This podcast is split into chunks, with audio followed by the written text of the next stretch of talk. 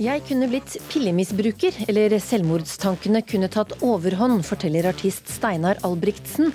Han tok sterke smertestillende etter kreftbehandling, og etterlyser bedre oppfølging etter utskriving.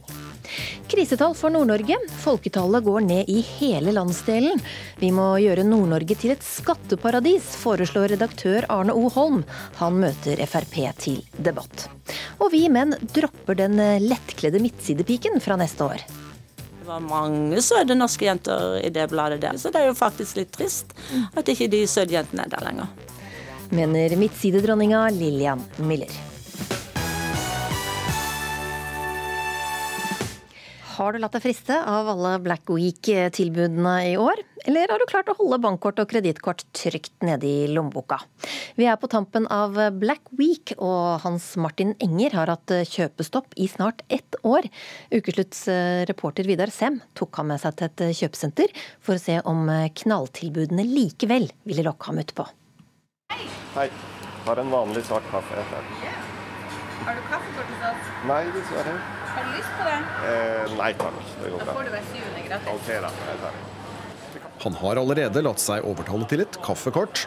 Vil han kunne overtales til å kjøpe mer? Jeg har tatt med meg Hans Martin Enger til Storo Storsenter i Oslo. Det er julepyntet på senteret, men fra butikkvinduene lyser også plakater med knalltilbudene mot oss. Det er uken med Black Friday. Og der er det nye, deilige dunputer, f.eks.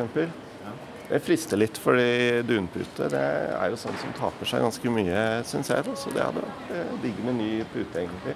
Hans Martin Enger er eh, bibliotekar i Oppegård, men også kommunestyrerepresentant for Miljøpartiet De Grønne og varaordfører i den snart nye kommunen Nordre Follo i Akershus. Han lever på et nyttårsforsett. Bortsett fra mat og hygieneartikler, ikke å kjøpe noe nytt dette året. Jeg er jo veldig bekymra for hvordan vi eh, tar for oss av eh, jordklodens ressurser. Og vi kunne klart oss med så utrolig mye, mye mindre. Det ga meg motivasjon til å prøve et år helt uten å kjøpe nye ting. Men på et kjøpesenter er det mye som lokker, også for en kjøpestopper. Nå nærmer vi oss Elkjøp her. Og Det er jo eh, enhver eh, mann på vei inn i 40-årsalderen sin eh, favorittbutikk, det. Så her er det nok mange ting jeg kunne kasta meg over hvis eh, verken økologien eller økonomien hadde spilt noen rolle. F.eks. har jeg sett mye fotball i det siste, og da er det reklamen for denne fancy Zlatan-TV-en. Så ser jeg Zlatan innerst i butikken her, han står og tøffer seg på TV-en. Så mm, det kunne nok vært gøy. Fristelsen begynner å komme her. Skal vi gå inn i, Ja, ja. Skal vi gå inn i, i løvens hule? Ja, vi får, vi får, ta, vi får ta sjansen. God dag. Kan jeg hjelpe dere med noe i dag, eller? Runa Martinsen tar oss imot og er klar til å hjelpe med fristelsen. Kan vi ikke gå bort og ta en titt, da, selv om det kanskje er litt sånn forbidden fruit akkurat nå? Ja. Og hun tar oss med til den svarte skjermen. En TV Hans Martin Enger har lyst på. Du kan til og med få enda en tusenlapp ekstra eh, avslag på TV-en. Og så kan vi lure litt den kjøpestoppen din ved å si at du trenger ikke å kjøpe noe i år. Du kan kjøpe det om eh, seks måneder, f.eks.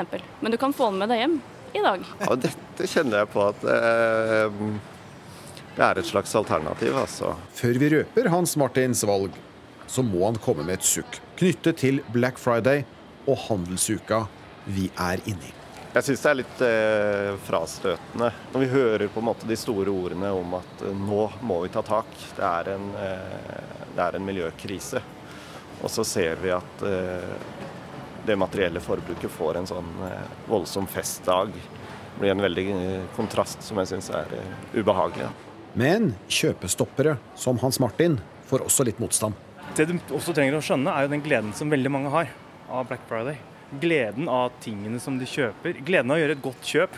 Det er en sånn veldig god følelse det òg, som folk eh, har. Elkjøp har fått besøk av en ny gjest. Samfunnsgeograf Carl Fredrik Tangen ved Høgskolen Kristiania.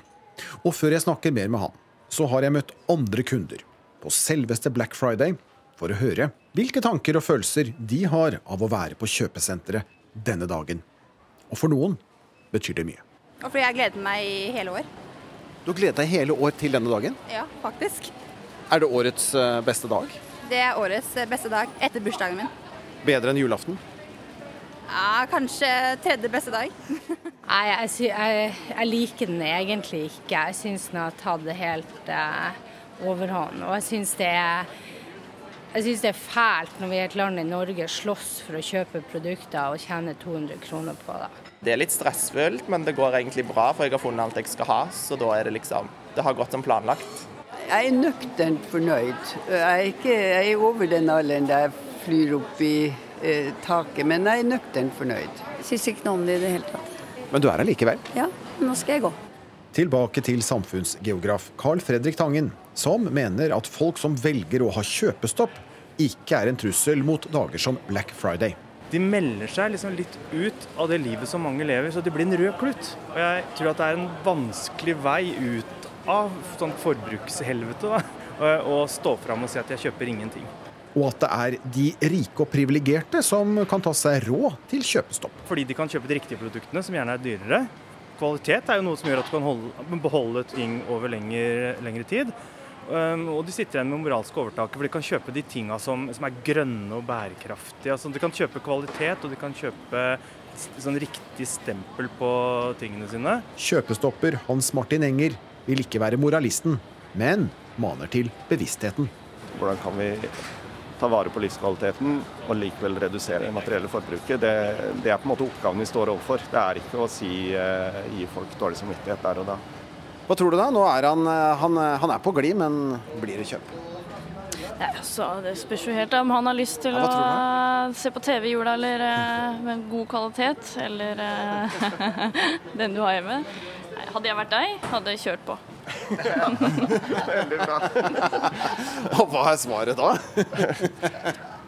Jeg, må, jeg må, løfte blikket litt, og, må, og, det er jo lurt. sant? Og Det er det, er å åpne kjøpet kanskje står litt i veien for, da, men eh, jeg tror det å ta turen hjem og så tenke seg om, så vil jeg nok eh, konkludere med at eh, de eh, årsakene til at jeg syns det er fornuftig å begrense forbruket mitt, vil veie tyngre enn eh, Zlatans kraft.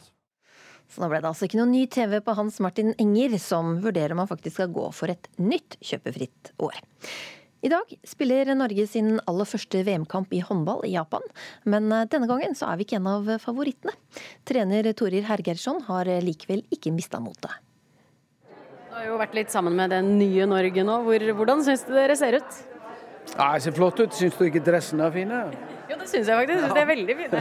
Men sånn på banen, først og fremst. Da når du har kasta av de fine dressene. Som, som, jeg sa, vi er ikke der vi ønsker og må være og trenger å være for å gjøre gode saker i mesterskapet, men vi er litt nærmere enn vi var i går. Det sa altså Hergeirsson eh, i går. Men hvordan virker damene i dag? Reporter Hanne Skjellum Müller, du er i Japan. Ja, jeg er i Japan, og nå er det oppvarming her i hallen i Kumamoto. Og de ser ut som et heltent uh, norsk lag. De sier jo også at de er veldig gira på å komme i gang. De har allerede vært i Japan i ti dager i hvert fall, kanskje blitt elleve til og med. Og er, uh, ja, Forhåpentligvis så klarer de å unngå overtenning, da, men de er i hvert fall veldig klare til å komme i gang. Hvordan påvirker det laget at flere av de sentrale spillerne ikke er med? Det er jo litt, litt vanskelig å si, men det, men det gjør jo bl.a. til at Norge kanskje ikke er favoritter her. Og det kan jo også kanskje bidra positivt da, ved at, eh, at man kan senke skuldrene og, og fokusere, virkelig fokusere på seg selv. Eh, og Norge har jo fortsatt veldig gode håndballspillere. Eh, så er det det med å få samspillet og samhandlingen til å sitte og laget til å sitte, da. Og det får man kanskje litt svar på når man møter Cuba i dag, for Cuba er et, et av de svakere rangerte lagene i VM. Så man får faktisk litt uh, trenings, treningsmulighet her. Da. Det blir spennende å se. Er det andre grunner til at Norge ikke regnes som uh, en av eh, favorittene? Nei, Det går nok først og fremst, fremst på det. Norge har jo en gruppe der antatt tøffeste motstander skal være Nederland. De tapte akkurat mot Serbia i en kamp som var ferdig for en times tid siden her. nei, mot Slovenia tapte de. Serbia slo Angola. Så at Norge går nok videre til mellomspillet, for det gjør de tre beste i gruppa. Og der møter man eh, lag som Tyskland, Frankrike og Danmark høyst sannsynlig. Og så må man være blant de to beste der for å gå videre, da. Og det er jo da det begynner å bli tøft igjen, altså for å gå videre til en semifinale. Og Frankrike anses kanskje som en favoritt. Eh, Danmark er kanskje bedre. Norge tapte for Tyskland i EM i fjor, så Ja, altså Norge må ha dagen stort sett hver dag her, i hvert fall hvis det skal bli VM-gull. Publikum er jo også viktig. Er det noen norske publikummere som har tatt den lange turen? Uh, ja, det er noen få. Akkurat der hørte jeg kubjella, faktisk. Jeg trodde de hørte hva vi spurte om. Men de sitter på andre siden av banen her. Men det er kanskje ti stykker der som sitter der i norsk drakt. Eller så møtte jeg den norske ambassadøren i Japan, Inga Nyhamar, her utenfor stadion i stad. Så hun har tatt med seg familien ned her for å se på Norge. Vi vet jo at Stine Skogrøyen bl.a. har med seg sønnen og moren sin. Så noen nordmenn er det her. Og så er det noen japanere, men det er langt fra fullt. Og hallen skal visstnok ta 7500. Jeg syns den ser litt mindre ut enn det, men det, det, er god plass, i hvert fall. Vi krysser fingrene, reporter Hanne Skjellum eh, Myller. Kampen kan du høre på NRK Sport. Og det er faktisk 20 år siden Norge vant sitt første gull i håndball-VM. Og litt senere så snakker vi med Marit Breivik, som var landslagstrener den gangen. Sier jeg skatteparadis, så får du kanskje assosiasjoner til f.eks. Caymanøyene, Bahamas eller kanskje Monaco. Men hva med å gjøre Nord-Norge til et eh, skatteparadis for å lokke flere nordover? For det blir nemlig stadig færre som bor i nord, ifølge helt nye tall fra Statistisk sentralbyrå. For eh, første gang på tolv år går befolkningstallet ned i alle de nordnorske fylkene samtidig, og verst er det i Nordland. Og det kan ikke folk på gata i Bodø forstå, for i nord har de alt. Altså, det er jo bare fine ting å si om Nord-Norge, da. Men i, de, i, høst har vi jo hatt sånn fantastiske fine bilder med sola når hun går ned og hun kommer opp om morgenen, og nydelige farger. Jeg er jo innflytta trønder og har jo bodd her halve livet mitt nå, 22 år, og har ikke angra en dag. Jeg elsker å bo her, og lyset på denne tida her er jo bare helt magisk. Det må bare oppleves. Menneskene. At vi er direkte, at vi er oss sjøl, at vi kan ja, slappe av. Vi trenger ikke å henge seg i stroppen og, og, prøve å være noe som ikke er. Men noe negativt er det vel kanskje òg? Nei, det er kanskje lite plussgrader i juni, jeg vet ikke. ja. Det vakreste plass på jord. Jeg elsker Nord-Norge. Hvorfor det? Det er natur spesielt, og det er folket, og det er gjestfriheten, og det er Ja, det, det, det er bare herlig. Ja. ja. Hvorfor tror du ikke flere flytter hit, da? Det har jeg ikke tenkt over, så det vet jeg faktisk ikke. Ja. Reporter på gata i Bodø var Monica White Martinsen. Og til tross for at de har det så fint i nord, så går altså befolkninga ned. Og Arne O. Holm, redaktør i High North News. Akkurat nå så befinner du deg faktisk i et uh, skatteparadis på Kanariøyene. Og det er det du ønsker deg også hjemme i uh, Nord-Norge. Hvordan ser du for deg dette skatteparadiset? Eh, nå har ikke jeg brukt ordet skatteparadis, men jeg skjønner jo at det er lett å ty til det begrepet. Jeg har utfordra våre politiske myndigheter på å se på hvilke virkemidler man har for å hindre den fraflyttinga som nå skjer i, eh, i Nord-Norge. Og, og, og, det, er en, altså det, det, er en veldig vakker beskrivelse det er folk på gata i Bodø så vidt jeg forsto gir. Det er en beskrivelse vi som bor der prøver å gi hele tida. Men befolkningsutvikling det er egentlig ren matematikk. Eh, så det, det, vi ser nå, er noe vi kunne sagt for 20 år siden. Det fødes altfor få til å opprettholde folketallet, og befolkninga blir eldre. Men hvilke skatter er det de bør slippe, da? Nei, Det er et par utfordringer med, med uh, å tiltrekke seg folk i nord. Det ene er at vi mangler en del av de kompetansearbeidsplassene. Men først og fremst så mangler vi arbeidstakere. Altså, statistikken viser at hvis vi skal hente det økonomiske potensialet som ligger i Nord-Norge, så trenger vi 25 000 nye arbeidstakere i løpet av de neste fem til ti årene. Og da finnes det det er veldig vanskelig å finne hvem i det politiske systemet har ansvar for demografi. Altså den eneste delen av norsk politikk som, som, som handler om matematikk. Og da er det luftetanken til en regjering som jo mener at det å bruke skatteregimet for å få til økonomisk vekst. La oss se på hvilke muligheter har vi for å gjøre det samme for Nord-Norge, hvis vi er enige om at vi må opprettholde en robust befolkning der oppe. Og da skal de slippe all skatt, eller er det enkelte skatter som skal slippes? Nei, Dette er jo ikke et finsikta regnestykke, men man kunne jo begynne å regne de, på de økonomiske konsekvenser av å ta vekk den overordna statsskatten. Altså, Regjeringa bruker jo, med rett eller urett, det vil være et politisk spørsmål, man bruker jo f.eks. For formuesskatt eh, og redusere formuesskatten, så sier man at det vil øke den økonomiske avkastninga. Utfordringa i Nord-Norge er at det er veldig få som betaler denne formuesskatten. Det, det, veld, det, er veldig få personer. Man kan nesten telle dem som kommer inn under, under det regimet. Eh, så det er jo et virkemiddel som har liten effekt før tilflytting til Nord-Norge. Så man måtte se mye bredere på det. Man kunne begynne å regne på, å regne på statsskatten. Man kan begynne å regne på avgifter. Man kan se til andre land hvor man har prøvd dette. Sivert Haugen eh, Bjørnstad, stortingspolitiker for eh, Frp. Hva syns du om dette forslaget om å kutte skattene i Nord-Norge? Nei, altså La meg begynne med å si at uh, bekymringa i, i, nord og, og for Nord-Norge deler også jeg. Um, at befolkninga går ned er selvfølgelig aldri et godt tegn. Uh, men jeg tror det er andre politiske virkemidler som er, som er bedre og mer riktig å bruke i sånne situasjoner enn skattesystemet. Jeg tror skattesystemet jeg mener skattesystemet skal være objektivt og, og nøytralt. og jeg tror det er en stor verdi at skattesystemet ikke skiller på, på hvor man bor, hvilken legning man har, eh, kjønn eh, eller hudfarge. Det er bra for oppslutninga til skattesystemet, og for at det skal stå seg over tid, så er det bra at, eh, at skattesystemet på den måten er, er ganske blindt og ser, ser alle som, som lik, da.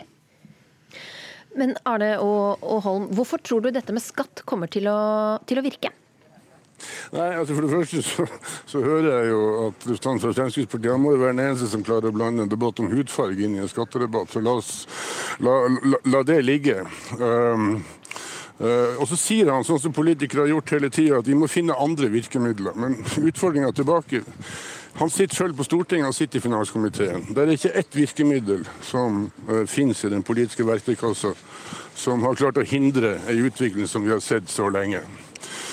Ved å redusere skattene så kunne man gjøre seg mer attraktiv uh, for uh, kompetanse, altså uh, folk med høyere utdannelse. Man kunne gjøre seg mer attraktiv for barnefamilier i en etableringsfase. Vi vet jo at dette virker andre plasser. Vi har eksempler fra, fra Norge hvor vi virkelig skiller på skatten. Flytter vi blikket oppover til Svalbard, så har man jo en helt annet skatteregime enn det man har i resten av landet. Ser man på andre land hvor det nettopp har vært, som i Alaska, så har man et helt annet skatteregime fra Alaska enn the lower 48, som, som, som det heter. Så dette er virkemidler som man har prøvd og har sett effekten av. Vi har prøvd, eh, Bjørnstad. Hvorfor ikke prøve litt mer? Jo da, men, eh, men det, er ikke, det, er jo ikke, sånn at vi ikke har forsøkt med, med skatteinsentiver i, i nord, eller både i i Finnmark og Nord-Troms er det jo i denne tiltakssonen er det allerede insentiver i form av eh, ingen arbeidsgiveravgift, det er ingen elavgift. Man får ettergitt eh, deler eller hele studielånet når man eh, flytter dit. Og til tross for det, så er det altså tilbakegang i, i folke, folketallet. Så jeg tror ikke det Det høres veldig enkelt og veldig greit ut og en sånn quick fix-løsning. Men jeg tror rett og slett ikke at det er så enkelt. Jeg tror det handler, For det første så handler det om at man må, må synliggjøre mulighetene i Nord-Norge. ikke sant? Olje og gassen flytter seg nordover. Eh, det er kjempestor verdiskaping i, i, i fisk- og havbruksnæringa. Vi er nødt til å bygge samferdsel. Nord-Norge får nå en betydelig andel av samferdselsmidlene. Du er nødt til å bygge by og bygd sammen. Jo, samferdselspolitikken. Men, men, men, men Holm, Holm, vi har allerede prøvd før. Det, selv om vi allerede har eh, skattefordeler i nord, så fortsetter jo folk å flytte. Jo, men Dette er interessant av to grunner. For det første så viser jo det at man, har, man er villig politisk til, til, å ta i bruk den type virkemidler. Altså motsatt av det den finanspolitiske talsmannen fra Fremskrittspartiet sier. Dette er for skal innarbeide norsk system. Det andre, når man hele tida sier at den tiltakspakken som ligger i si, den, den utkanten i, i nord når man sier at den ikke har virka, så, er det også feil. For man vet jo ikke hvordan resultatet hadde vært hvis man ikke hadde hatt den, den tiltakssonen. Mitt forslag er jo å bruke det samme redskapet, analysere det samme redskapet, for å få ut den verdiskapninga som ligger der oppe. Og av sikkerhetspolitiske grunner. Og se på større deler av landet. Større deler av Nord-Norge. Men utgangspunktet er jo at man må være enig om at man trenger en robust befolkning i nord. Og Hvis man ikke er enig om det, så, så, så trenger man ikke diskutere det videre. Men det er jeg jo helt enig i. Men Bjørnstad, det kunne jo vært verre hvis vi ikke hadde hatt eh, disse skattereduksjonene allerede, da? Ja, altså Den type kontrafaktisk eh, diskusjon er jo lite matnyttig. fordi, fordi jo, det, det, er jo du som sier at det ikke virker. Hvordan vet du at det ikke virker, da? Ja, nei, men altså, Det er jo poenget, det kan man ikke vite. Eh, men, men fasiten Nei, er Da no... må ikke du bruke det som et argument at vi har prøvd det uten at det virker. Ja, Men fasiten er nå like fullt at befolkninga går ned, så det kan jo ikke ha virka så godt. Og jeg tror ikke at det å pøse på med virkemidler som skal vi si, er, er vanskelig å måle om faktisk fungerer, da, er det riktige. Jeg tror det er helt andre politiske virkemidler som må, som må til. Og, og, og, og det andre er at man må være flinkere til å, å snakke opp Nord-Norge, i stedet for å bare snakke om alle problemer og alle utfordringer som ligger i Nord-Norge. Ja, så må man også snakke ikke- om de mulighetene som er i nord. Og da kan jeg i hvert fall konkludere med at her i Ukeslutt har vi virkelig snakket opp eh, Nord-Norge i dag. Tusen takk, Arne O. Holm og Sivert Haugen eh, Bjørnstad. Artist Steinar Albrigtsen fikk eh, store smerter etter en kreftoperasjon og måtte ha sterke smertestillende. Men i motsetning til selve kreftbehandlinga, så var oppfølginga etterpå ganske tilfeldig. Velkommen hit, eh, Steinar Albrigtsen. Tusen takk. Du skriver i en ytring her på NRK at du kunne blitt pillemisbruker, eller at selvmordstankene kunne tatt eh, overhånd. Fortell hvordan du opplevde denne tida etter at du var kreftoperert. Ja, først må jeg jo si at uh, i, i den pakkeforløpet som jeg var en del av, eh, da jeg fikk konstatert kreft i mai, så ble jeg veldig godt ivaretatt av det norske helsevesenet. Men som du sier, da jeg kom ut av, unnskyld, ut av hospitalet, så ble jeg litt overlatt til meg sjøl, følte jeg, med, med si, kofferten full av, av masse forskjellige smertestillende, da, farlige smertestillende opiater. Da. Og fikk vel egentlig ikke noe sånn særlig instruksjon om hvordan det her skulle gå med nedtrapping og sånne ting. Så da savna jeg jo noe som kalles for smertelindringsteam, da. Som egentlig var et ord vi hørte på hospitalet, men som vi aldri så noe til. Så vi lurte på hvor disse folkene ble av. Det skulle da være et tverrfaglig team bestående av psykolog, leger, sykepleiere osv. Bestående av ca. fire personer. Og dem skulle vi, kunne kommunisere med. Så der ligger jo egentlig eh, problemet, da, tror jeg. For i stedet så lå du da altså hjemme på sofaen og måtte medisinere deg selv nærmest. Ja, jeg ble på en måte liggende i en døs på sofaen og, og ble litt redd for å få disse smertene. ikke sant? Jeg prøvde jo å trappe ned. Jeg var jo flere ganger på, på møter da med litt tilfeldige leger da, som var på vakt. og De kjente jo ikke mitt sykdomsforløp, så de kom jo med forskjellige forslag til nedtrappingsmodell som gjorde sånn at jeg havna i et smertehelvete da hjemme, og da heiv jeg meg tilbake igjen på den dosen som jeg hadde blitt vant med for å være smertefri. Etter hvert når man liver og, går litt opp og ned der i, dosering, så blir man jo veldig redd for å, få disse smertene. Så da ble jeg liggende sikkert litt for høyt i dosering for lenge, da. Og, og der skulle det vært noen som hadde sagt at nei, nå skal vi begynne å trappe ned, og heller, så får man heller ta de smertene som kommer da, og, og de problemene som vil komme da. Ja, for hvordan, hvordan virket disse medisinene på deg? Nei, det virker jo sånn at du blir utrolig sløv, og du blir veldig si, i en døs. Og etter hvert som jeg begynte å se på disse bivirkningene på, på, pakken, så står det jo også ganske høyt oppe at man kan få selvmordstanker. Man kan få det. Og jeg har jo aldri hatt noe sånt, men jeg må jo si at jeg følte meg jo veldig, veldig ubrukelig i lang tid. Og når man føler seg ubrukelig lenge, så kan man få lyst til å melde seg ut på en eller annen måte. Men, men idet den tanken slo meg, så skjønte jeg at det var ikke jeg som tenkte det. Det var medisinene eller bivirkninger av disse medisinene som, som, gjorde at jeg tenkte det. Hvordan klarte du å komme deg ut av det her, da? Nei, Jeg må si jeg må takke min kjære kone som sto ved min side, og som så at her er det fare på ferde etter en stund, og tenkte at nå må vi prøve å finne en, en nedtrappingsmodell på egen hånd. da. Hvilket vi gjorde. Og etter å ha slitt Jeg må jo innrømme at jeg sleit veldig da. For at stadig vekk så dukka denne lille onde Timmy Gresshoppe opp på venstre skulder og skulle overtale meg om morgenen til å ta en liten en, da. En liten en. Men da skjønte jeg at nei, nå må jeg kvitte meg med alt som heter Oxy. Oxycontin, Oxycodon og, og, sånne ting. Så jeg gikk og leverte det tilbake igjen, og, og svetta og plagdes da.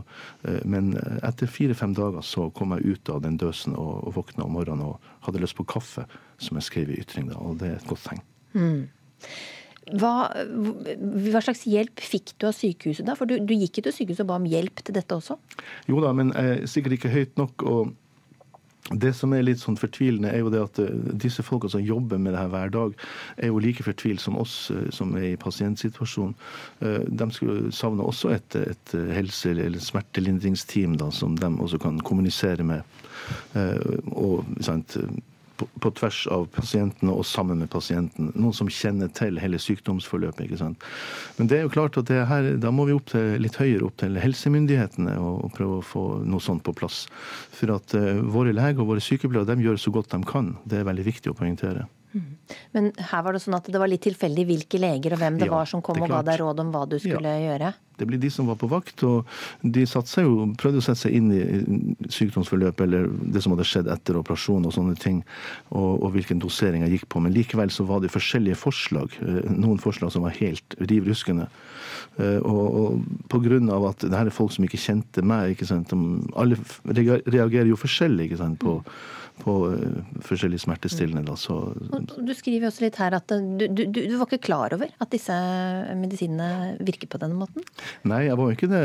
Man er jo veldig sånn eh, man føler seg veldig ivaretatt i det norske helsevesenet, som sagt. Og, når man da kommer ut av operasjon, så tror man jo også at eh, det man får utlevert der, det er ting som, som skal hjelpe. ikke sant? Men i mitt vedkommende så gikk det andre veien. At det ble det ble for mye eh, det ble for mye døs, og jeg kom liksom ikke videre. For det som er viktig når man ikke har en kronisk sykdom, det er at man vil jo gjerne slutte med disse smertestillende, så man kan begynne å trene seg opp igjen og, og komme tilbake igjen til eh, såkalt normalt gjenge. da. Mm. Og, ja. og kona di ble, ble, viktig. Hva tenker du om de som ikke har pårørende til å hjelpe dem? Ja, det er et stort problem. Og jeg er helt sikker på at det sitter mange ute i Norge som er fortvilt over å være alene i en sånn situasjon. Så jeg skulle ønske at uh, de kunne ta kontakt med noen. At det fantes noen de kunne ta kontakt med, og, og, og, og ja, føle at de får en oppfølging. da som gjør at de kan komme av. Men nå snakker jeg ikke om folk som lider av kroniske sykdommer. De må jo ha disse smertestillende for å komme seg gjennom hverdagen. Mm. Hvordan går det med deg i dag? Jeg føler meg faktisk i veldig bra form. Jeg er vel ikke helt ute av faresonen. Det er jo eh, akkurat et år siden jeg ble operert, eh, i oktober i fjor. Sånn at eh, jeg skal jo på en undersøkelse i desember. Jeg håper jeg får en veldig fin julegave i år. At alt er helt flott. Da ønsker vi deg den aller beste julegaven i år, og takk for at du delte med oss, Steinar Albrigtsen. Det er mulig å lese mer om dette i den ytringen du har skrevet, og som nå ligger ute på nrk.no. Yes. Det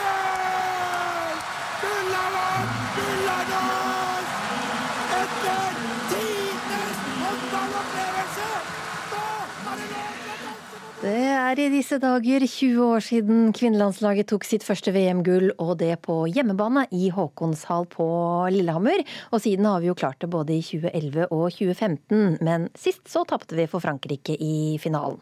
Marit Breivik, du var landslagstrener den gangen. Nå er du sommeridrettssjef i Olympiatoppen, og VM-gulvet må jo si toppa den fantastiske utviklinga det norske håndballandslaget hadde under din ledelse. Hva husker du fra den finalen?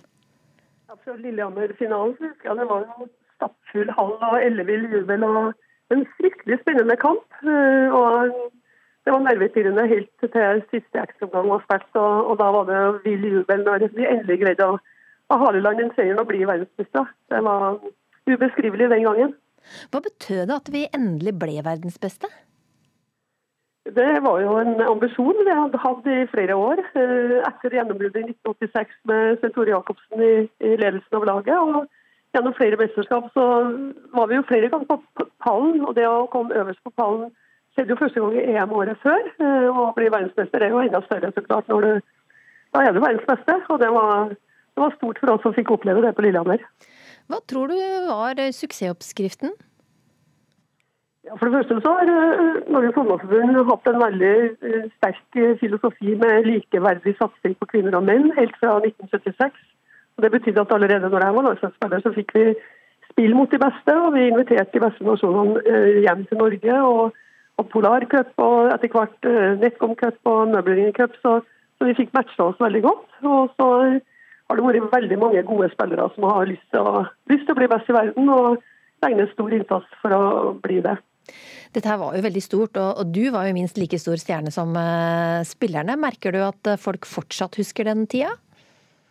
Ja, de som er, var så gamle at de så finalen, de kommenterer det veldig ofte. Og, og det, jeg fikk ikke meningen til å være i den trenerjobben i, i ti år videre. så det er klart at uh, Jeg har vært inne i stua til veldig mange i løpet av det mesterskapet. og Det er jo en TV-vennlig idrett, så det har vært et stort engasjement. og Folk kjenner igjen meg fortsatt. Men når du følger uh, kampene på, på, TV, er du litt uh, landslagstrener fra, fra sofaen nå, eller? Nei, jeg vil vel ikke si det. Men det er klart at jeg engasjerer meg i spillet. og, og gleder meg veldig over når spillere lykkes og får det til, og laget får det til. så, så jeg er glad i å se på, på landslaget i, i, både mesterskap og i kampaktivitet. Det må jeg. Mm. Men hva er, det, hva er, det, som gjør Norge til en god håndballnasjon? Ja, Det er en, en, veldig god satsing på både aldersbestemte spillere i, i klubb og i, i, yngre landslag. Samtidig som det, det er en, en glød i, i, både trenerteam og mange, mange trenere som engasjerer seg på ulike plan. Og mange unge jenter som har lyst til å bli så gode som det de ser på TV. Så det har stor betydning. I tillegg til at uh, det er ikke noe tvil om ambisjonsnivået i Håndballforbundet. De har lyst til å være verdensledende og, og bidrar aktivt til at både trenere og spillere får sjanse til å utvikle seg. Nå ligger vi godt an i denne kampen mot Cuba. 16-7 leder eh, Norge nå. Men hva tror du om eh, vinnersjansene til Norge i, i dette VM-et her, da? Det er litt tidlig å spå. Det har Norge en veldig styrke med å bli litt bedre for hver kamp. Og, og det trenerteamet med Tore Helgesson er veldig god til å være nøktern i, i forventningene, men samtidig ha en, en, drøm om at det går an å klaffe. Så Om de kommer hit til topps, blir jo veldig spennende. Da må jeg si jeg blir mektig imponert. Kommer de i medaljekamp, så er det stort av det laget som har hatt relativt liten tid sammen pga. de sentrale spillerne som har blitt ut, borte. da. Men de har jo hatt høsten sammen og, og jobber godt. Hvilke andre land tror du blir de farligste motstandere? Ja, Frankrike er sterk. De står jo som regjerende europamestere og er kvalifisert for, for, OL allerede. og Russland har mange gode spillere. Så har du outsidere i Nederland som er, har stabilisert seg på et høyt nivå. Danmark tror vi blir bedre og bedre. Så det er flere nasjoner som skal være med og slåss om de medaljene som, som skal deles ut på slutten av mesterskapet. Du, takk skal du ha, Marit Breivik. Da skal du få lov til å fortsette å se kampen sammen med, med barnebarna. Du har kanskje sett henne på trykk. Lettkledd, sexy og vakker med et flørtende smil til kamera. Hun er Vi Menn-piken, et fast innslag i bladet siden 70-tallet. Men til neste år er det slutt for de nakne damene i Vi Menn. Som å kastrere Mannebladet, mente kunstner Unni Askeland, som deltok i debatt i Dagsnytt 18 denne uka. Det er jo litt synd for disse jentene, da, disse damene som ikke får lov til å vise seg fram på den måten de har lyst til. Jeg vil at den pinup-tradisjonen egentlig skal få lov til å bestå, da. Og en av de som selv har vært Vi menn midtsidepike, det er jo selvsagt Lillian Müller. Og hun syns det er litt trist at det nå blir slutt for de søte jentene i midten av bladet, en rolle hun har hatt mange ganger. Det var jo alle menn-pigen, og så var det Vi menn-pigen, og ja ja, så ble det jo Playboy, da. Lillian Müller, Norges ukrona midtsidedronning, ramser opp noen av modelloppdragene hun har hatt. Nå er 68-åringen helsebokforfatter, om litt så kommer hun med et hett tips til hvordan du kan se ekstra sprek og lekker ut på julebildene i år. Jeg har jo blitt avbilda på åtte-ni Playboy-forsider, amerikanske forsider, så jeg har blitt um, fotografert på en ca. 20-30 internasjonale forsider og sånn. Og det, så det vil jeg si var positivt for min begynnelse. Her er det en, en Vimen-pike, sånn som hun har vært den siste tiden. Her ser vi Linda fra Hvor er hun fra, da? Hun bor i hvert fall på Langhus i dag. Samboer og katter og en datter. Hva er det du ser på de her bildene? Det er vanskelig å beskrive hva man, hva man, ser. Nei, det er ikke så veldig vanskelig, vi menn-sjef Lars Erik Otehals. Men vi må kanskje sette på litt musikk og komme i den rette stemninga først.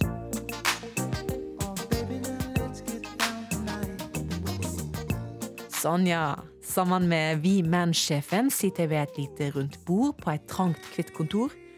Fra den glansa midtsida smiler Linda fra Langhus mot oss. Hun har langt, lyst hår, og hun slenger seg elegant rundt en strippestang. Kjolen er kort, lys og gjennomsiktig. eh, av de som har vært med, de som har vært populære, er jo helt normale piker. Og, og en av de som har arrangert bæsj, det er en helt normal kropp. Og det syns jeg egentlig er ganske fint å se, da. Nå, fra januar, så slutter dere med de bladet. Vil ikke norske menn se halvnakne damer lenger? Altså, jeg vil jo alltid tro at uh, både menn og kvinner kan være interessert i å se avkledde kropper, da. Vi har spurt leserne våre hva er det de liker best. Og det vi ser, det er at det er en viss type stoff som de liker best. Og det ønsker vi å gi dem mer av, som er reportasjer, eh, opplevelser og underholdning. Det var mange søte norske jenter i det bladet der, så det er jo faktisk litt trist at ikke de søte jentene er der lenger. Lillian Mylla er ikke midtsidepike lenger. Nå er hun helseguru og forfatter. Til daglig bor hun i Los Angeles, men for tida er hun i Norge for å prate om boka si 'Si ja til livet'. Det er jo det å spise sunt, tenke sunt, mosjonere, være spirituell person. Da har du jo hele oppskriften i et nøtteskall. Og du, husker du det tipset du skulle få som ville få deg til å skinne på julekortet? Her kommer det. Smil til deg sjøl, akkurat som du smiler til et annet menneske. Følelsen du føler innvendig når du virkelig smiler. Nå snakker ikke jeg bare gi deg sjøl et falskt smil, nei. Jeg snakker om å gi deg et sånn godt, sånn solid, sånn Solidag-smil, altså. Strålende smil, virkelig som du mener det. det. Det er noe av det, de metodene jeg bruker til å holde meg i godt humør. Ifølge Lillian Mylla har hun smilt, tenkt og ete seg vakrere og gladere enn noen gang. Og da hun poserte for Playboy i høst som 68-åring, trykker de både gamle og nye bilder av henne. Og det var jo faktisk interessant å se på alle de bildene i løpet av de 40 siste åra siden jeg var Playmate of the Year og Playmate uh, i 1975 og 76. Og så kommer det bildet nå fra når jeg er 67 år, ikke sant? 100 år senere, kan du nesten si. Og så jeg, jeg vil jo si faktisk at jeg var i bedre form på det bildet der. Så om vi alle spiser sunnere, mosjonerer litt mer, og, og, ikke minst tenker positivt og smiler til oss sjøl, ja. så kan kanskje flere av oss stille opp som midtsidepike etter at vi er blitt 60? Ja, hvorfor ikke? Det skulle iallfall ikke være noe hindring.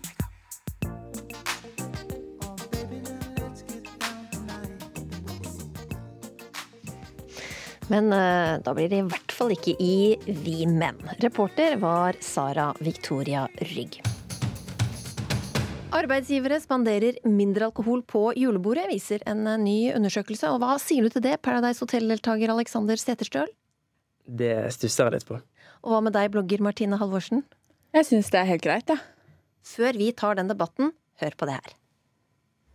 Jeg tror kanskje ikke at mangel på alkohol er det største problemet for nordmenn flest i julebordtida. Hun eh, har nok rett i det, direktør i NHO Reiseliv, Kristin Krohn Devold. For om jeg tar et raskt søk i NRK sitt radioarkiv på ordet julebord, handler de fleste sakene om fyll og spetakkel. Det har vært fyll- og ordensforstyrrelser i forbindelse med julebord og festligheter både i nord og sør i natt. I Inderøy ble en julebordsgjest arrestert etter å ha spytta på politiet. I forbindelse med at politiet tok kontakt med han på Inderøya, så eh, ble det så han spytta på en politibetjent. Og han blir jo da anmeldt for det. Ok, Det er ikke så ille at alle havner i arresten etter julebordet. Men det er mange måter å dumme seg ut på. Samtidig med tro at du er sangstjerne og prøver deg på karaoke.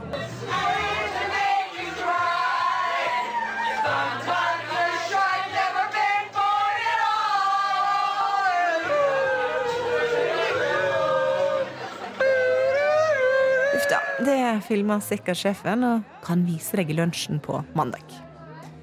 Men nå kan det bli litt mindre fyll og fanteri på julebord.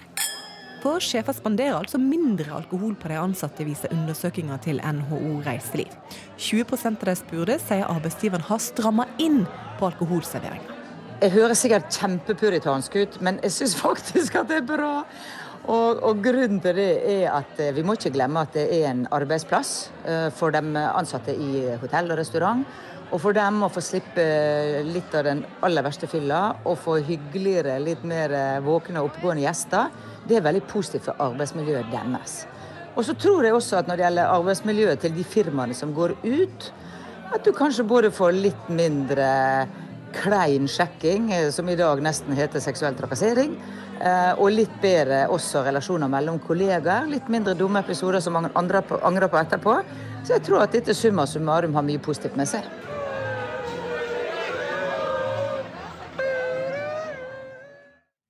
Reporter var Sara Victoria Rygg. Alexander Seterstøl, du er for mange kjent fra både Skal vi danse og ikke minst fra Paradise eh, Hotel. Hvordan liker du at julebordet skal være? På julebordet så skal det være god mat, drikke, god drikke og ja, god stemning, egentlig. Hva syns du da om at eh, arbeidsgiverne nå strammer inn på, på drikken på julebordene? Altså det, det får nå være altså, fra person til person. Det, det med at de strammer inn på alkohol, det er jo ikke noe galt i det sånn sett, da. Det er jo det at eh, hvis man kommer på et julebord, så er det kjipt. Man tenker at når man kommer på julebord, så skal jo bedriften kunne spandere det meste, da. Men det er ofte det at når de spanderer for mye, da kan det bli for mye for folk, da. Og da kan det skje dumme ting. Blogger og forfatter Martine Halvorsen, du går hardt ut mot alkohol på jobb og drikkepress. Og hva syns du er det verste med alkohol på julebord? julebord? Det verste er når det blir eh, for mye av det gode. Og når man glemmer hvilke grenser man har, og hvilke grenser man kanskje, eller hvor grensa burde gå. Da. Det syns jeg er det kjipeste. Mm. Eh, hvor går grensa, da? Er det, er det greit at det er alkohol i det hele tatt på julebord? Ja, det mener jeg for så vidt. Altså, er, eh, sånn har det på en måte alltid vært. Eh, og, men jeg mener, eller som jeg pleier å si, da, så sier man jo sjelden til kollegaene kollegaen sin en mandagsmorgen at den skal chugge kaffekoppen, liksom, helle den i seg og drikke enda litt til. liksom. Man sitter jo sjelden og hauser opp det. Og da er det jo kjipt når det samme skjer på julebord på lørdagen. liksom, og Man sier at man skal bælme ned på ølen og styrte den i seg, liksom. Får alkoholen et litt dårlig rykte her, Aleksander? Mm, ja, de gjør jo for så vidt det, men uh, altså det Vi mennesker, vi er jo Altså, vi, er jo, vi vil jo ha det mest mulig gøy. Da alle er forskjellige. Det blir jo to forskjellige lag, dette her. For det at uh, noen liker ikke, liker ikke, alkohol. Noen elsker alkohol. Noen må ha alkohol for å klare å være sosial i hele tatt. Så det er jo noen, noen drikker alkohol for å kose seg litt mer. Det gjør jeg. Da koser jeg meg litt ekstra. Da åpner jeg meg litt mer opp og prater litt mer, tøyser litt mer. sant? Og jo, mer, jo fortere jeg åpner meg opp, jo fortere åpner de seg opp. Så man blir ikke bedre kjent, da. Men Martine, er dette her med at det er på en måte litt sånn arbeidsgivers påskjønnelse da, til, til, de ansatte, her skal man liksom spandere årets uh, fest, ser du den? Uh, ja, jeg ser det, men for meg da, uh, personlig så handler jo ikke fest om alkohol. og jeg mener jo at spesielt i jobbsammenheng, at det heller kanskje burde være mer fokus på det sosiale. At man skal gjøre noe gøy sammen. At man skal ja, bli kjent på en litt annen måte. Da. Og jeg mener at uh, man uh, kan godt ha alkohol på julebord, men at det kanskje ikke er det som burde være i fokus. Fordi det er jo også sånn at det er ekstremt mange som dropper uh, jobbfester, som f.eks. julebord, fordi det er så mye alkohol, og fordi grensa liksom aldri blir satt. Da. Hva blir du møtt med når folk skjønner at du ikke drikker, da? Ute? Å herregud, Det er mye spørsmål. Det er alt fra om jeg er syk, til om jeg er gravid, til om det er en religiøs overbevisning. Og ja, ja, det er ekstremt mye. Hva sier du da? Jeg har faktisk begynt å svare at jeg er alkoholiker. For da slutter de i hvert fall å spørre. Så du drikker, du drikker ingen alkohol? Nei. Ingenting? Nei, og det er rett og slett fordi Du har smakt alkohol før? Ja, men jeg eh, liker det ikke, og jeg liker ikke hvordan jeg reagerer. Jeg liker ikke hvordan jeg blir, og jeg liker ikke smaken. Så for mm. meg så har jeg valgt å da ikke drikke i det hele tatt. Og da er det sånne tilsetninger som julebord at det kan bli veldig kjipt. Ja. Og det er der jeg mener at det sosiale og det å ha det hyggelig kanskje burde være i fokus, i mm. stedet for hvem som skal bli mest drita, liksom. Ja. Men hvordan opplever du det, hvis de andre rundt deg sier nei, la oss droppe alkoholen på julebordet i år, eller flere på festen ikke drikker? Nei, da eh, får jeg litt den følelsen av at eh, de får ikke være med på festen. Fordi at jeg drikker alkohol. Men jeg vet jo hvordan det er å bli tilbudt alkohol når du ikke har lyst på alkohol. Det er jo litt sånn der Du får jo litt sånn der blikk, da. Bare sånn hva er det du driver med, hvorfor skal ikke du drikke? Sånn, det er jeg enig med. Sånn skal jo ikke det være. Men uh, for min del så uh, skal det uh, være litt alkohol når det er fest. Jeg ser på julebord som er fest. Da feirer det at du har jobbet i et år nå, og dere skal ut og kose dere. da. Hvorfor skal ikke folk få lov til å drikke mye hvis det er det de har lyst til en gang i året? Altså, først og fremst så jeg, eh, tenker jo jeg at det er jobb. Og for meg så er jobb ganske seriøst. Og jeg eh, har lyst til å fremstå på en god måte. Jeg har lyst til å vise meg fra min beste side, selv på jobb, og selv om det er jobbfest. Altså, det er liksom For meg er jobb seriøst, og jeg tenker at eh, det da er lurt å tenke at man fortsatt er på jobb selv om det er julebord. Men det betyr ikke at man kan ha det hyggelig, eller at man kan ta seg et glass vin eller to til maten, liksom. Men at det, det er ikke på jobb jeg har lyst til å drite meg ut og gjøre de dumme tingene, liksom. Det Ja. Men en, en eh, ny undersøkelse fra Av og til de viser at over halvparten av alle medarbeidere da, har opplevd at sjefene har vært berusa på sosiale arrangementer. Og hva, hva tenker dere på det? Er det greit at, eh, det greit at sjefen blir full? Jeg synes det er interessant, fordi jeg har lest en undersøkelse av Folkehelseinstituttet der det halvparten av norske ledere mener at eh, enkeltansatte da, blir for berusa på julebord. Og det også er jo da ganske interessant. Og jeg tenker det at eh, som sjef og som ansatt, så eh, Jeg hører Alexander sier at, de må, at man liksom må klare et ansvar selv. Men som leder da, og som sjef, så det er din oppgave å sette grenser, liksom. Og kanskje man skal ha eh, følge noen råd, da. F.eks. at man skal ta praten på forhånd og, og rett og slett ha noen klare retningslinjer. Syns du det er greit at uh, sjefen blir full? Ja Altså, når, man er jule, når, det, når det er julebord, så er jo ikke man på jobb. Da er man et sted der man skal treffes og kose seg på den måten, da. Så sjefen Men er det å kose seg og drikke seg dritings? Nei, det er jo fra hver enkelt person til person. da. Det er jo noen Altså, du liker det ikke, jeg liker det. Sånn, alle er jo forskjellige, så det er jo Har du lyst til å drikke alkohol, så får du bare gjøre det. Men selv på jobb? Ikke på jobb. Men er man ikke på jobb når man er på julebord med jobben? Hvis DNB, er, DNB, Bank er på julebord, liksom, så er jo de fortsatt på jobb. Jeg ser ikke på det som jobb. Jeg ser det på det som et sosialt møte. Det er kanskje forskjell på å jobbe i DNB og jobbe i Paradise Hotel? Ja, altså, det, det er forskjell på DNB og TV-bransjen. Det er det. Der er det mye alkohol og jokking fra før av. Nå ble det jammen god stemning her i Ukeslutt-studio, takket være Martine Halvorsen og Alexander eh, Seterstøl. Alle har noe å lære av åpenheten til 13 år gamle Daniel. Det sier Twitter-legget Wasim Sahid. Den siste uka har mange blitt berørt av videoen Daniel lastet opp på YouTube, der han snakket om det han syntes var aller vanskeligst. At han ble mobba. Ja, Er du klar til å gå inn i Dagsrevy-studio? Ja. ja. Da går vi. Hadde ikke Daniel turt å laste opp den videoen den ettermiddagen, hadde ingenting av dette skjedd. Men nå vet hele Norge om den vonde hemmeligheten han bar på i mange år. Eh, Det vi ser her, er da eh, videoen min på YouTube, som da handler om mobbing. Og når jeg ikke har blitt kurert for mobbing, så tenker jeg på vonde ting hele tida. På hvordan det var å gå i første klasse. Og andre. Og tredje. Og fjerde. Og femte. Og sjette, og aldri har tørt å si det til, og videre, da. Og aldri har tørt å si det til en voksen. Det er ikke bra for folk å holde det inne så lenge. Man får så vondt i hjertet sitt. Du la det ut på YouTube for hele verden. Tvilte du på om du skulle gjøre det i forkant? Nei, det gjorde jeg ikke. Jeg bare tenkte straight on. Rett på sak, gjør det, bli ferdig med det, og så ser man hva som skjer. Dette er da NRK, som er kjent for sine lange ganger. Etter at Daniel la ut videoen, ble historien hans fortalt av VG. Så ble 13-åringen intervjuet av flere riksdekkende medier denne uken. Også Supernytt i NRK Super vil snakke med Daniel. Reporter Margrethe Rød tar imot han og moren. Det er veldig mange lange ganger på NRK, og noen ganger så er det lett å gå seg vill. Jeg har gått meg vill flere ganger. I en av gangene møter de youtuberen og NRK-programlederen Viktor Sotberg. Hei, Viktor. Hyggelig. Mm. Går det bra? Ja. Så gøy. Hyggelig å hilse på deg. Så fint det du har gjort. Ja. Viktor er en av veldig mange som har vært i akkurat samme situasjon som Daniel. Han ble også mobbet i oppveksten. Hva tenkte du da så videoen? da? Jeg tenkte at det var sykt eh, sjukt tøft gjort. Eh, jeg tror aldri jeg hadde turt å ha gjort det da jeg var ung og yngre, så jeg syns bare det er så veldig, veldig, veldig tøft gjort. Og så kan du feste den dingsen bak på buksa di, hvis du klarer det. Så putter jeg mikrofonen her foran, så vi får bra lyd på deg. Daniel får på seg mikrofon, og svarer på flere spørsmål om det å tørre i NRK Super. Og programleder Selma Ibrahim viser ham studio.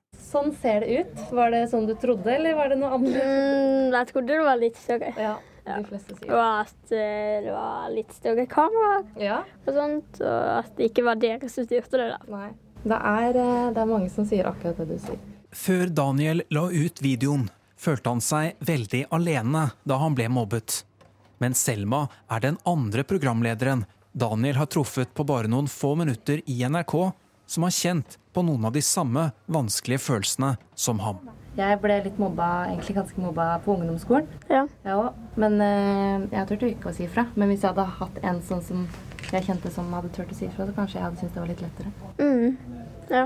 Så eh, high five for det. Det er sykt bra jobba.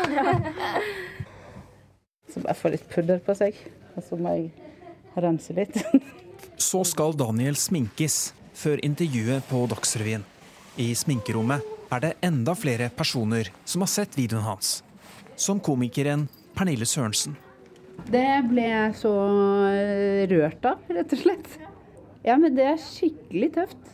Jeg håper du kjenner på det at det er sikkert mange barn der ute som er skikkelig glad for at du turte å gjøre det. Ved siden av Pernille Sørensen sitter lege og youtuber Wasim Saeed. Han følger sosiale medier tett, og blir også kalt for Twitter-legen. Saeed er imponert over videoen til Daniel.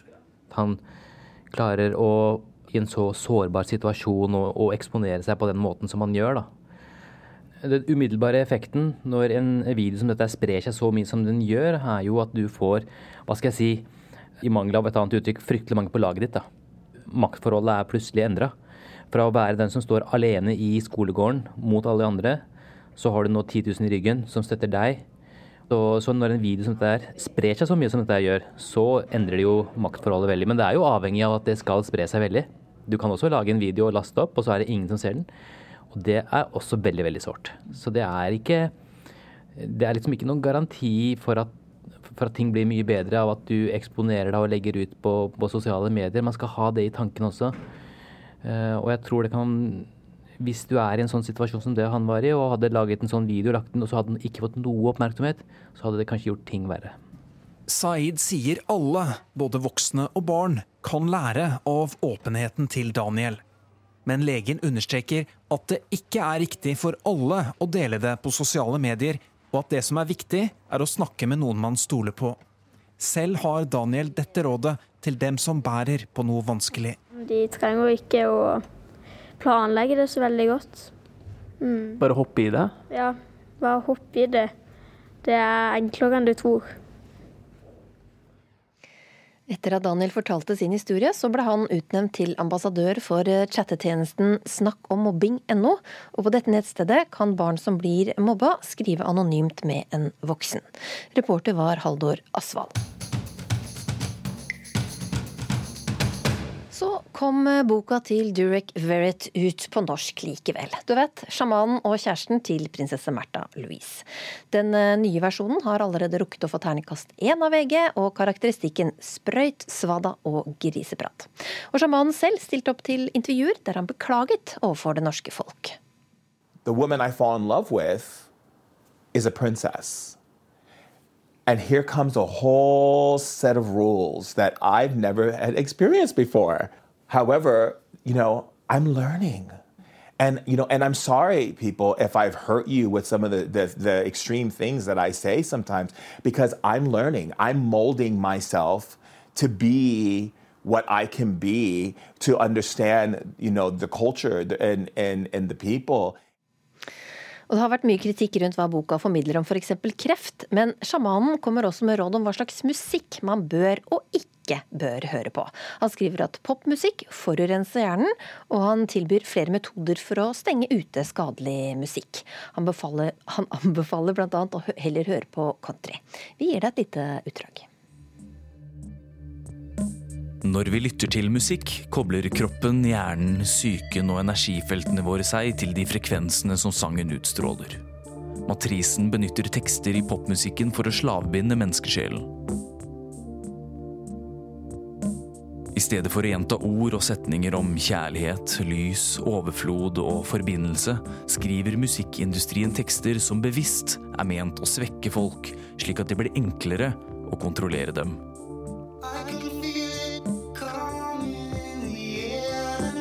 Det er derfor pene popartister synger om hvor verdiløse de er, nå som de har mistet kjæresten sin. Og det er derfor vi har hiphopartister som rapper om summene de har på bankkontoen sin, og merkelappene i designskjortene sine, om kollegene som de er i konkurranse med, og som de har lyst til å drepe. Personlig lytter jeg ikke til popmusikk. Jeg hører mest på country. I got a hangover from your kisses. Her er en hack for å unngå hjerneforurensning. Mens du banker på baksiden av nakken din med håndkanten, sier du høyt. Skap en barriere slik at sinnet mitt ikke tar imot disse ordene som fakta i mitt vesen. Philip Johannesborg leste fra boka. Og vi tenkte vi skulle ta en liten musikalsk faktasjekk på dette. Audun Mysja, overlege og spesialist i allmennmedisin. Du har en doktorgrad i bruken av musikk i eldreomsorgen bl.a. Og samtidig så driver du sammen med kona di Senter for eh, livshjelp, der dere også bruker metoder fra naturmedisin. Og du kan mye om hvordan eh, musikk påvirker oss. Men kan musikk hjernevaske oss, slik sjaman Durek Verrett advarer mot i boka si? Hjernevask det blir et uh, spørsmål om hvordan du ser på det. Musikk påvirker våre sinnstilstander. Det er slik musikk uh, alltid har vært brukt. Vi kan endre følelser, vi kan endre aktiveringsnivå, slik som jeg brukte bl.a. i demensomsorgen for å vekke mennesker som er sovende eller roende, mennesker som er da agiterte, urolige. Men Durek kommer med helt konkrete råd da, til hvordan man kan stenge ute den musikken som man ikke vil ta inn. Og Da kan man tenke seg en del foreldre som av og til kunne ønske seg at de kunne stenge ut podens enerverende favorittlåt, eller all julemusikken på kjøpesentrene. Men kan man det? Ja, altså man kan trene seg opp til å åpne for eller ignorere. Og mange mennesker føler seg i dag utsatt for mye uønska lyd. Og det kan vi se absolutten. Eh, hvis vi ser på lyd og musikk mellom det vi kan kalle signal og støy. Signal det som nærer oss, eh, hjelper oss, og støy det som skader oss. Og det må eh, i hjernestammen, vår, eh, vårt skjelnesystem, faktisk avgjøre. Så vi, vi, gjør det her bevisst eller ubevisst, om vi dunker eller ikke. Mm, vi, vi, kan stenge det ute. Men har det noe for seg da, å komme med helt sånn generelle råd om hvordan musikk påvirker eh, mennesker? Altså, Er liksom all populærmusikk skadelig for alle? Nei, det har eh, vi jo forska på. F.eks. i eldreomsorgen har vi jo systematisk undersøkt ulike sjangre. Og one man's or woman's medicine is another man's poison. F.eks. countrymusikk er jo en musikk som akkurat som svensktopper deler befolkningen. Det er ganske enkel musikk som dem som eh, har nytte av det, kan ofte få gode følelser av godfoten. Men eh, dem som ikke liker den musikken, får jo støyreaksjon. Det har vi kunnet konstatere sjøl inn i dyp demens. Det fins flere studier som viser at preferanse er jo absolutt dem som eh, liker heavy metal, de har avspenningsrespons. Og de som ikke liker dem, har alarmrespons ved å lytte til samme musikkstykke. Så vi kan ikke si noe generelt om en sjanger for alle. Så det er ikke noe spesielt liksom med countrymusikken som gjør den spesielt eh, egna, da? som Durek påpeker? Nei, all, Alle sjangere har sine spesielle muligheter. Hvis vi skal se på noen absolutter, så er det jo kanskje Hvis det gjelder avspenning, så er jo largosatsene fra barokk noe som treffer mange og 90 Det Samme gjelder da rolig, sjangerløs musikk, som jeg sjøl også har vært med på å komponere, som er oppe i 95% toleranse. Men av vanlige sjangere av musikk så er vi inne i individualisering. Det, det, går på hvordan det virker på den enkelte, også i ulike sinnstilstander. Vi vil jo ha litt forskjellig musikk når vi skal prøve å roe oss, og litt eh, ulik musikk hvis vi trenger å få oss opp. Mm. Så Derfor er det veldig vanskelig å si noe generelt om at én sjanger er god og en sjanger er dårlig. En kan snakke om bedre og dårligere musikk. En kan snakke om musikk som har større varighet, Men for bud, budskapene da, i, i, i musikken, altså teksten, i de ulike sjangerne, er det noe vesensforskjell der? Eh, Det, det er jo vanskelig å si at countrymusikk er spesielt oppløftende. Tvert imot så så jeg en studie som gikk på hypotesen om at det skulle være flere selvmord utløst eh, av dem som hørte på countrymusikk. Eh, og eh, for det at det er jo mange av de temaene med heartbreak og oppbrudd og rusproblemer, så, så det kan jo variere fra sjanger til, til sjanger. Jeg har jo prøvd å sett på sammenheng mellom tekst og melodi. Og um, der en kan si at eh, mange av de sangene som bare, og som mange mennesker har hjelp av, så kan en oppleve en særlig sterkt samsvar mellom tekst og melodi. Eh, sånn i mange voggesanger, f.eks. en fyrstesang eh, og troll, trollmor har lagt sine elleve små troll, eller marsjer som Napoleon med sin hær, hvor tekst og melodi går sammen. Og det vil jo kunne oppleves som egna for mange mennesker. Tusen takk eh, skal du ha, Audun Mysja.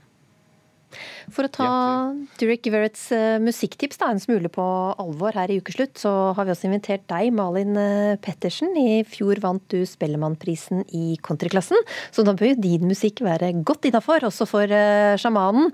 Og før du får slippe til med gitaren, så må jeg spørre deg også. Hva, hva tror du det er med countrysjangeren som gjør at den frikjennes i dette tilfellet? Det er jo selvfølgelig vanskelig å vite hva akkurat han eh, tenker om det. Jeg har ikke lest eh, boken, men jeg tror at eh, en generell greie med countryen som appellerer til mange, er at den handler om helt vanlige folk sitt liv og de følelsene som vi alle sammen eh, sitter inne med i forskjellige deler av livet. Eh, være det sorg og smerte, men også glede og kjærlighet.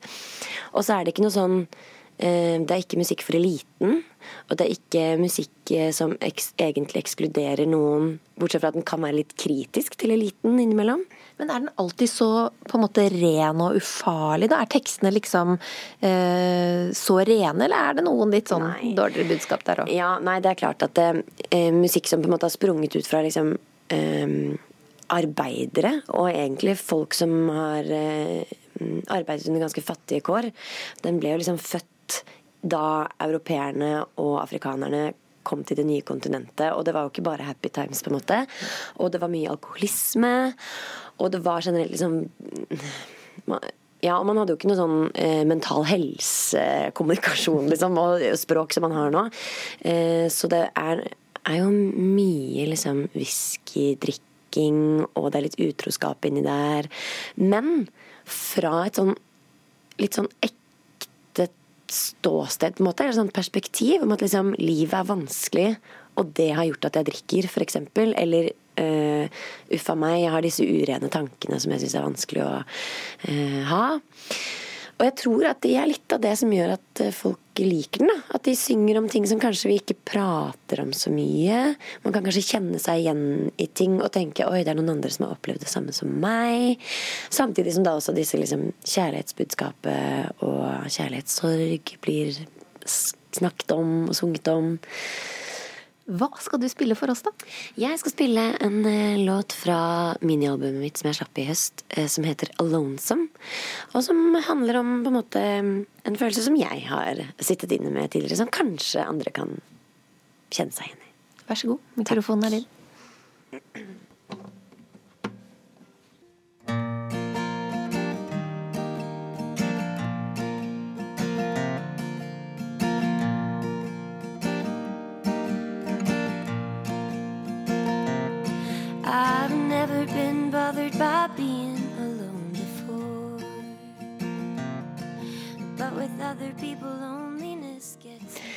I dag så er det nok eh, mange barn, og sikkert også en del voksne, som gleder seg veldig til i morgen. Da kan endelig første luke i årets julekalender åpnes, og vi kan se første episode av julekalenderen på TV.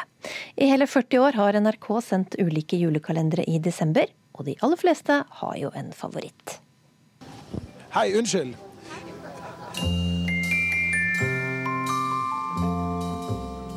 Hvilken julekalender på NRK husker du best? Um, Månetoppen. Jul på Månetoppen, altså. Fordi det er det jeg så på hvert år da jeg var liten. Og så så jeg mye på uh, han derre skomaker-fyren. hva heter han igjen? Skomakergata. Kommer du her og titter på meg? Julie Blåfjell. Må denne dagen bli god. Unnskyld. Hvilken julekalender på NRK husker du best? Ingen. Har du aldri sett på en julekalender? Nei. Hvis du skal, Kommer du på en julekalender? Hvis det er en quiz, liksom? Interesserer meg ikke. Den første dagen i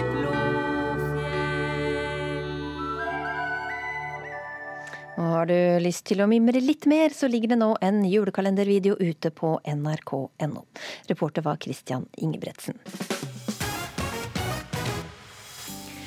Ukeslutt takker for laget i dag. Ansvarlig for sendinga Andrea Kvamme Hagen og Filip Johannesborg. Teknisk ansvarlig Hilde Tøsterød og i studio Linn Beate Gabrielsen.